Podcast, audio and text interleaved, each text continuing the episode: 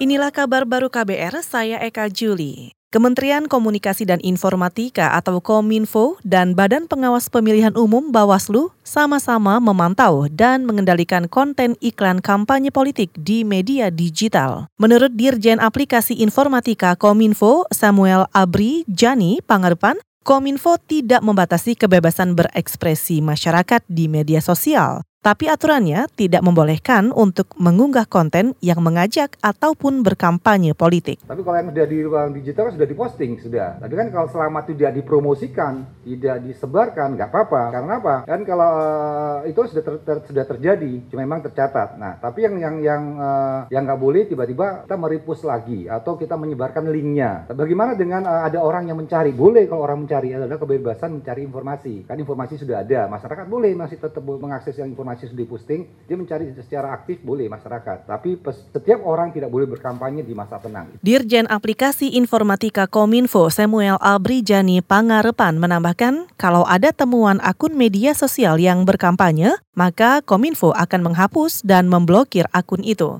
Samuel juga menuturkan percakapan yang bersifat privat di dunia digital tidak akan dilarang selama tidak mengumpulkan massa. Aplikasi WhatsApp misalnya tidak dipantau oleh Kominfo karena fokus penanganan Kominfo di masa tenang ini lebih kepada postingan dan tagar terkait kampanye. Indonesia Corruption Watch atau ICW meminta masyarakat untuk jangan memilih calon anggota legislatif dan penyelenggara negara yang tidak menyerahkan laporan harta kekayaan penyelenggara negara atau LHKPN. Alasannya, menurut peneliti ICW Kurnia Ramadana, pelaporan LHKPN merupakan bentuk integritas dari seorang penyelenggara negara dalam mencegah perilaku korupsi, kolusi, dan nepotisme. Publik bisa melakukan sanksi sosial terhadap mereka. Misalnya, ada seorang pejabat daerah yang ingin mencalonkan diri sebagai wali kota, gubernur, bupati, bisa dicek track record. Kalau mereka tidak patuh, jangan jangan dipilih.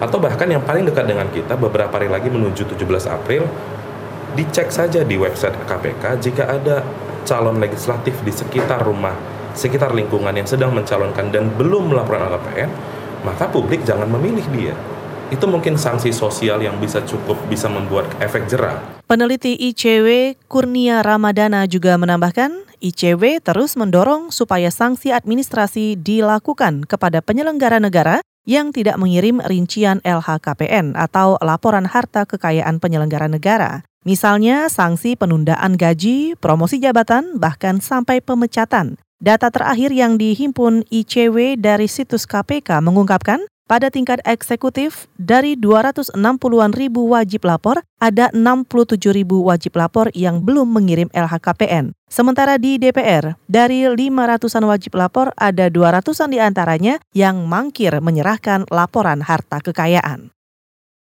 Masih terkait pemilu, pemilihan umum bagi masyarakat Indonesia di Yunani sudah dilaksanakan Minggu 14 April kemarin. Lokasi pemilu ada di Athena, Pulau Rodos, dan Thessaloniki dengan diikuti lebih dari 1.200 pemilih. Juru bicara KBRI Athena, Christina Natalia mengatakan, untuk kotak suara keliling dilaksanakan di salah satu restoran di Pulau Rodos yang diikuti 29 pemilih. Sedangkan kotak suara keliling di Thessaloniki berlokasi di kantor konsul kehormatan RI Thessaloniki. Selain sistem pemilihan langsung ke TPS dan kotak suara keliling, sistem pemilihan di Yunani juga dilakukan melalui layanan pos kepada 63 WNI yang mengalami kesulitan menjangkau TPS maupun kotak suara keliling yang tersedia. Dan penetapan Minggu 14 April sebagai hari pemungutan suara di Yunani karena mempertimbangkan hari libur WNI yang mayoritas hanya memperoleh libur di hari Minggu saja.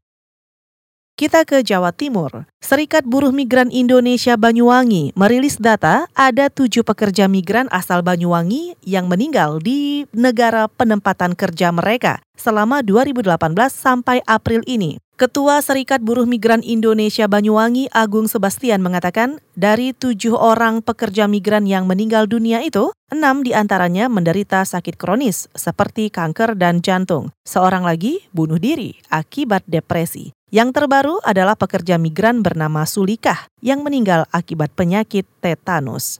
Saudara, demikian kabar baru. Saya Eka Juli.